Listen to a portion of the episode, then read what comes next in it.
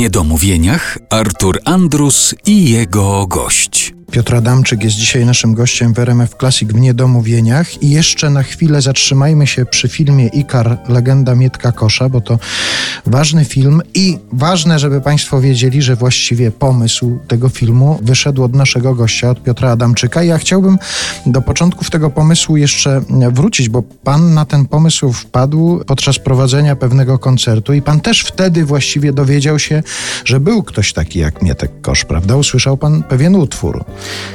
Tak, bardzo mnie ten utwór złapał za serce, jak zacząłem się pytać. To był koncert niewidomych muzyków 10 lat temu to było. Bardzo w ogóle wzruszający koncert, zamknięcie takiego festiwalu niewidomych muzyków z różnych stron świata. Oni nawet stworzyli taki finałowy numer, kontaktując się za pomocą Skype'a, telefonów i ułożyli sobie próby, nie próbując razem, tylko próbując zdalnie.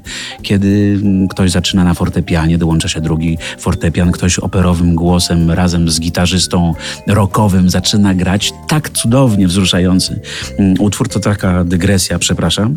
Ale wtedy właśnie zapowiedziałem także fragmenty muzyczne nieżyjących muzyków niewidomych i usłyszałem Mieczysława Kosza.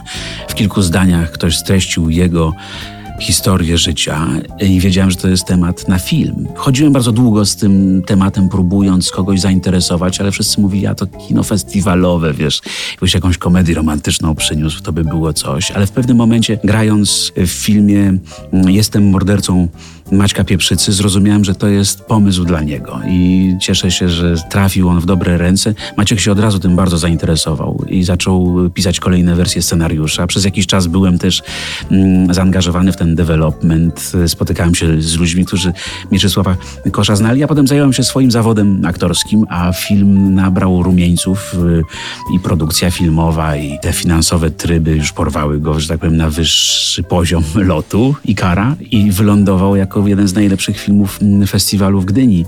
I myślę, że jest takim filmem, który naprawdę z, z czystym sercem można każdemu polecić. Nie tylko tym, którzy się interesują muzyką jazzową, tylko tym, którzy po prostu są wrażliwi na, na sztukę filmową, bo powstał film z wielu dziedzin doskonały, naprawdę. A ja jeszcze tylko chciałem zwrócić uwagę na pewną rzecz, ponieważ mówi się o aktorach, że to są ludzie, których ego no, jest na dosyć wysokim poziomie. No, muszą mieć też, chociażby wychodząc na scenę, pokazując się, wystawiając się na widok publiczny. A zaskakuje mnie tutaj to, że pan przychodzi z takim pomysłem i na przykład nie wywiera pan presji na reżyserze. Dobra, ja ci daję ten pomysł, ale pod warunkiem, że to ja zagram Mietka Kosza.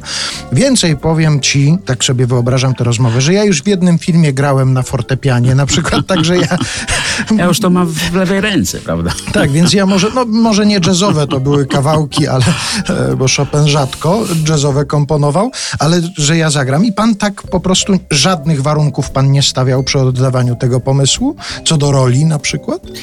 Być może gdybym czuł, że jestem idealny do tej roli, to jakiś taki warunek bym postawił, ale wiedziałem, że idealnym do tej roli jest Dawid Ogrodnik i faktycznie idealnie go zagrał. I podobieństwo fizyczne i jego umiejętność, no bo jest to tandem wyjątkowy, Pieprzyca, Ogrodnik, już nie jeden dobry film zrobili razem. I to, że Dawid też jest po konserwatorium, świetnie gra na fortepianie, więc te muzyczne fragmenty, które tam wykonuje, to są jego palce i jego wirtuozeria tak naprawdę. Oczywiście dostosowana do, do wirtuozerii mm, Leszka Możdżera, który te rzeczy nam nagrał. Ja także gram tam muzyka jazzowego i miałem okazję, że tak powiem, konkurować e, z Dawidem, ale tak, to się skończyło bez żadnych warunków. Ja się cieszyłem, że dostałem prezent od losu, że mogłem być na planie tego filmu i mieć taką satysfakcję, że oto jakiś taki pomysł pod tytułem o to byłby super film, to jest historia na film, nagle z czegoś takiego powstaje ten film i później przypomina mm, naszemu społeczeństwu postać, która powinna być w naszej świadomości, bo, bo to był naprawdę wyjątkowy człowiek, wyjątkowy pianista, wyjątkowy jazzman i fajnie, że teraz o nim jest głośniej, że jego muzyka jest gdzieś dostępna, że się po prostu przypomniało kogoś, kto był bardzo głęboko gdzieś pod kurzem e, zapomnienia już schowany.